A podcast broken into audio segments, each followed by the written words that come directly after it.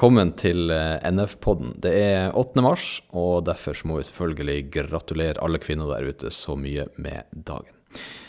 Jeg heter Simen og har med meg Gabriel. Og eh, ja, Gabriel, hvor ofte vil du si at du har fløyet med en kvinnelig kollega i cockpit?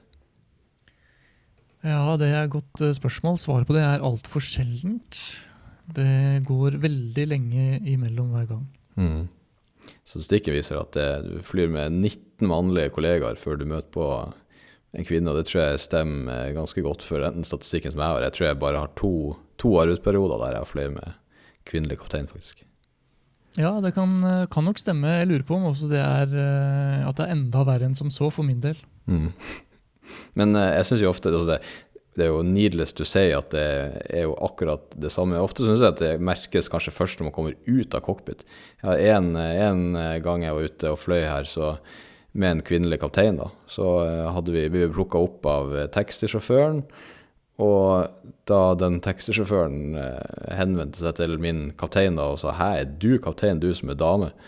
Så det var, en, det var litt merkelig opplevelse. Skal sies at uh, taxisjåføren var faktisk òg en, en, en, kvinnelig taxisjåfør. da. Så det kan jo ha vært et uh, snev av beundring kanskje også.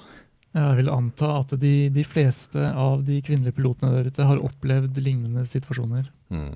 Jeg tror nok det finnes noen fordommer der ute. Og det er jo et interessant uh, tema som vi skal ta opp i denne uh, episoden. Og det er en eh, gjest som virkelig kjenner temaet og eh, problemet. Jeg tror det blir en veldig interessant prat. Derfor så rydder vi klart for dagens gjest.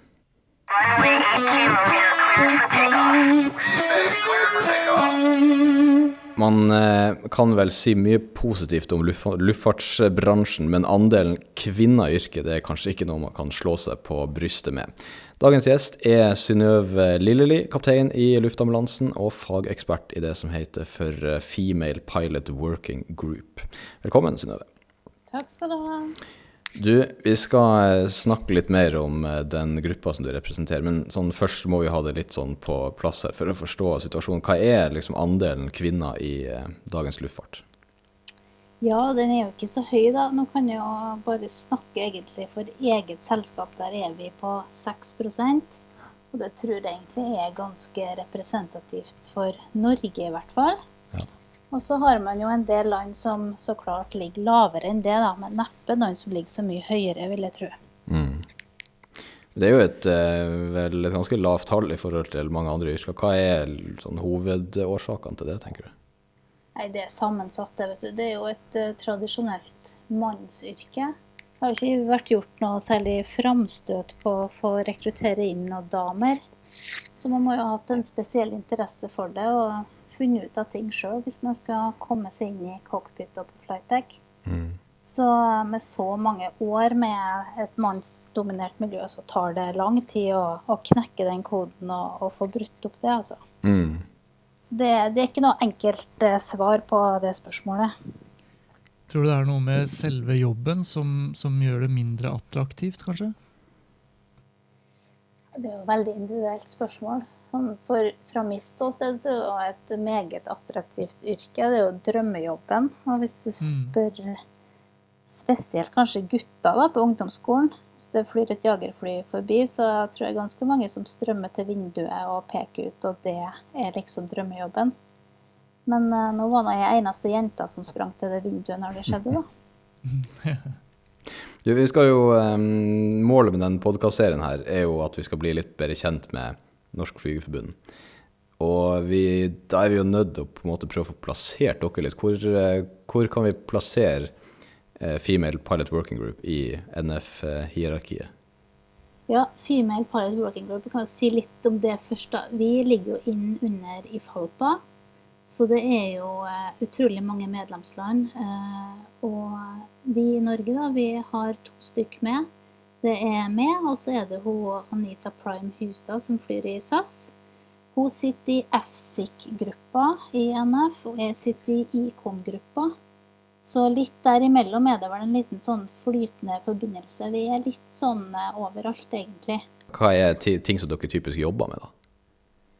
Ja, det er klart. Det hele det begynte jo med å få like rettigheter for kvinner som menn i cockpit og på flight deck. Å få ting kanskje enklere når det gjelder svangerskapspermisjon og sånne typiske spørsmål. Mm. Men nå siste året da, med denne covid-pandemien vi står oppi, så er det jo pressa seg fram mer spørsmål som kanskje ikke er typiske kjønnsspørsmål, men som går på tvers, som er viktig for alle. Bare altså hvordan skal man beholde jobben, rett og slett.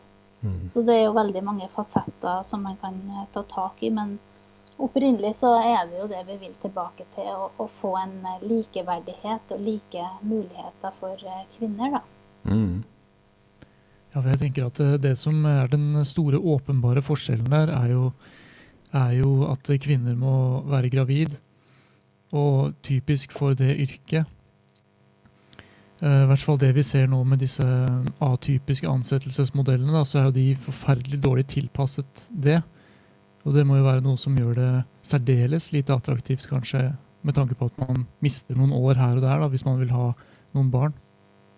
Ja, klart det er en kjempeutfordring, og luftfarten er jo spesiell når det kommer til det her, ikke sant. Eh, vi er jo veldig heldige i Norge, da, spesielt, som har veldig gode vilkår og ordna arbeidsforhold. Og at man har fast, faste jobber, ikke minst, og slipper kontrakter, så er det jo mer forutsigbart. Og det er ordentlige tariffavtaler på plass som ivaretar eh, alt sammen veldig bra, syns jeg. Spesielt i de to selskapene jeg har jobba i. da. Men for kontraktspiloter så kan jeg jo tenke meg at det er bortimot nesten umulig, da. Mm. Så for mange, så, eller ja, i hvert fall en god del, så er vel eh, i hvert fall tradisjonelt har det vært liksom inngangen til yrket, kanskje. At man starta som kontraktspilot eh, og jobba som eget foretak. Og da å skulle være ute i en svangerskapspermisjon, altså det betyr jo i prinsippet at du ikke du kan gå på jobb, og mister da muligheten til å levere det produktet du skal. da.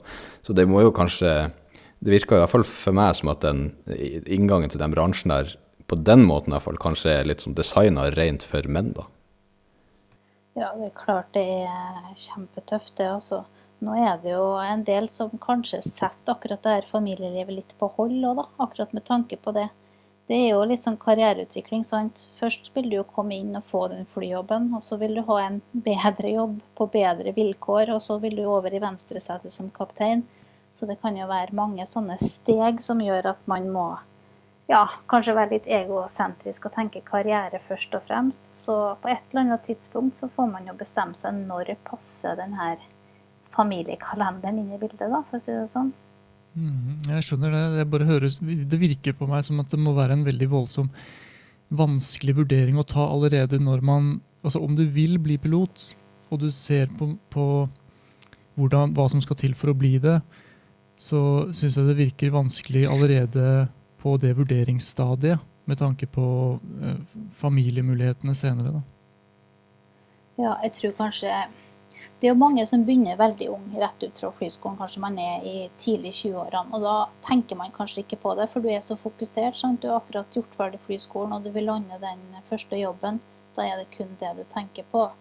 Men nå er det jo nettopp sånne spørsmål vi jobber med i denne gruppa. Å få ting i mer ordna former, uansett om du jobber på kontrakt eller om du har fast ansettelse. Og få ja, flest mulig kvinnelige flygere representert inn i ei fagforening der man kan få hjelp. Da. Mm. Det her med å øke, eller for å øke andelen kvinner, eller få rekruttert flere kvinner til yrket, hva er liksom sånne, eh, sånne, de største fordelene dere ser med det? Jeg tror nok eh, i de fleste yrkesgrupper, hvis du går inn og ser der det kanskje typisk har vært mannsdominert, at det skjer noe med miljøet når du får inn eh, damer. Da, at det blir mer miksa, eller kanskje motsatt òg, der det tradisjonelt har vært mest kvinner, og du får inn menn. Så får man kanskje litt annen tankegang, du får et litt eh, annet miljø. Andre spørsmål kan komme opp. og også andre ting som kan løfte det hele litt. Så jeg tror det er veldig positivt. Mm. Og så har dere jo, um, som du sier, dere sitter jo i, i Falpa da, sammen med eh, tilsvarende representanter fra en hel en drøss av andre land rundt om hele verden. Hva, hva er det de andre sliter med og, altså i det arbeidet her på sin kant? da? Nei, I startgropa så er det jo veldig mye man eh, hører som er hårreisende, og mindre problematikk ifra hvor høye hæler er tillatt i deres eh, flyselskap, hva er akseptabelt. Ifra andre som sliter med at de rett og slett ikke kanskje får fly med en mannlig kaptein. Det var ei kvinnelig styrmann jeg hørte, at uh, mannen som hun fløy sammen med, han mannlige kapteinen, han måtte ha med kona si på klappsetet hvis han skulle fly sammen med henne. Så det er jo fra ifra A til Å når det gjelder problemstillinger. Ja, det er ganske sprøtt. ja, det, ja, det høres jo fjernt ut. Så er det jo eh, Jeg vil jo tro at eh, dere kommer vel inn med Altså det representerer jo et land som tross alt har kommet ganske mye lenger enn mange andre, selv om det fortsatt selvfølgelig er en vei å gå. Men, og dere har jo sikkert en hel eh, masse ting å bidra med inn der. Men hva kan dere hente ut av det samarbeidet? Ja, det er jo som du sier, det er klart at vi har masse å bidra inn med på positive ting. Hvordan det kan gjøres bedre, og hvordan er den lange veien for noen å gå. Hvordan staker vi opp den. Men det er klart det er jo nyttig å høre nå hvordan andre som sliter litt mer, hva slags løsninger de ser. Det kan hende det er andre ting som vi ikke har tenkt på, arbeidsmetodikk. Og så får man jo knytta et veldig sterkt samarbeid som er globalt. Da. Man, det er jo en enorm faggruppe som du kan trekke hjelp ut av på alle mulige områder. Det er masse dyktige folk som sitter her som Ja, vi er jo et stort globalt forum. Mm. Du, også, jeg tenkte på, for du har jo, eh, du jo intervjua eh, tre eh, kvinnelige piloter til Cockpitforum som, som kommer ut i disse dager. da. Hva, ja, det er jo tre damer av forskjellig alder. Da, og Hva sier de om eh, sin opplevelse av pilotyrket? Ja, det var det jeg tenkte var litt interessant. At det trekte ut eh, tre damer i cockpit da, som er i hver sin fase kan du si, av karrieren. Og det er klart det har skjedd noe fra eh, den eh, eldste, da, en eh, SAS-kaptein, som har vært borti kanskje litt tøffere ansettelsesintervju og litt typiske fordommer som det var i, i begynnelsen, mot det siste som er her, en, en yngre helikopterpilot som egentlig får litt sånn følelsen av å bli heia litt fram da, ønska inn. og og det jobba litt for at hun skulle komme seg, komme seg, inn i cockpit for å fly. Så det har jo skjedd en utvikling, og det er litt interessant å, å se de forskjellige perspektivene man har på det. da. Mm. Men eh, Vet du noe om andelen eh, kvinner, om den er eh, økende, eller om den står stille, og om hvor lenge den har gjort det? Det blir kvalifisert gjetning, og da skulle jeg tro at den er ganske status quo. Så da har man jo en jobb å gjøre da, hvis man ønsker å øke den. Det er jo litt mm. bekymring da, vil jeg si, nå med denne pandemien. at Det er i hvert fall det som blir sagt ute i verden, at det er en del kvinner som da tar imot de her sluttpakkene som blir tilbudt og trer ut av yrket helt, og, og finnes en annen, for det er rett og slett for usikkert for mange. Mm. Så det er jo bare å få beholde de få som allerede er da, det blir jo en, en kamp. Det er klart man er veldig lysten på å beholde dem som allerede finnes, og få dem lenger opp i systemet. Vi snakker jo en del om rekruttering inn i de ulike organisasjonene. Inn i Falpa, inn i faggrupper og inn i flygerforbund, så man kan bidra og, og sette litt fokus på framtida og ja, forme den sjøl for kvinner i luftfarten fremover. Mm. Jeg syns det høres veldig riktig ut som du sa i stad, dette med at vi har alt å vinne på, på å øke andelen. For det, sånn som at eh, de kulturendringene som, som, vi får, er kun positive. Så det virker jo veldig, veldig negativt at det i så fall er, er sånn at den ikke øker. Da. At den enten står stille eller faktisk også går nedover. Ja, og så har jeg òg veldig det inntrykket dem jeg snakker med kvinnelige kollegaer i mitt selskap, at de trives veldig godt. Altså Når man først har kommet inn, det er jo det er ikke bare det at det er drømmejobben og at det er fantastisk å fly, men det er et veldig godt miljø. Og det blir jo kanskje spesielt tett, sånn som jeg jobber da innenfor luftambulansen, der man er et crew ikke sant, som går og å hente inn eh, syke og dårlige folk. Og det er liksom en samarbeidsoppgave fra start til slutt. Så veldig fint miljø. Så hvis man først er kommet inn på det her, så har jeg inntrykk av at de fleste vil bli. Så skulle jo gjerne ha rekruttert inn flere, men da, da må vi nok inn på skolene og snakke om det ganske tidlig. Kanskje fra ungdomsskole av. Ja, så tenker jeg og det jo jobb, jobben som gjøres med, med, vilkårene, at det skal være et trygt sted å kunne gjøre karriere, selv om man er kvinne, da. Ja, jeg, nå har jeg altså sittet lokalt i eh, Flygerforeninga i det selskapet jeg jobber i, og har jobba veldig aktivt med å få bra betingelser nettopp når det er svangerskap. At man skal kunne muligheten å komme inn og trene og gå i simulator for å holde sertifikater ved like, sjøl om man kanskje er ute i permisjon.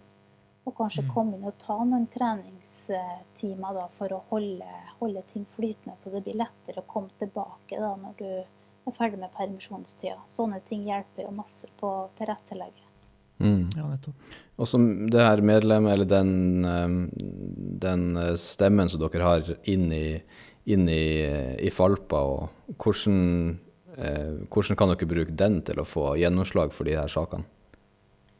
Nå er det skrevet allerede to sånne position papers, som det heter da, som er godkjent helt oppe i styret. Og det når jo en veldig brei del av luftfarten. Og der eh, peker man jo på en del problemstillinger og kommer opp med våre løsninger på da, og setter søkelyset. Så man har en veldig stor stemme da, når det er godkjentstempel og det er papiret når ut. Så vi jobber sånn, da. Vi tar tak i saker, løfter dem opp, skriver det ned, og så får vi det ut så bredt som det går an.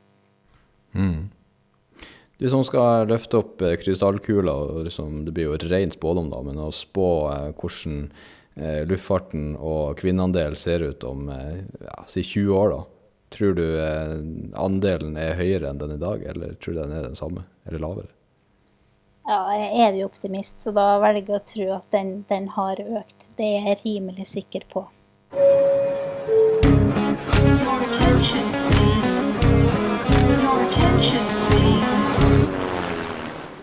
Det er i hvert fall eh, godt, syns jeg, å høre at uh, hun er optimistisk om framtida, da.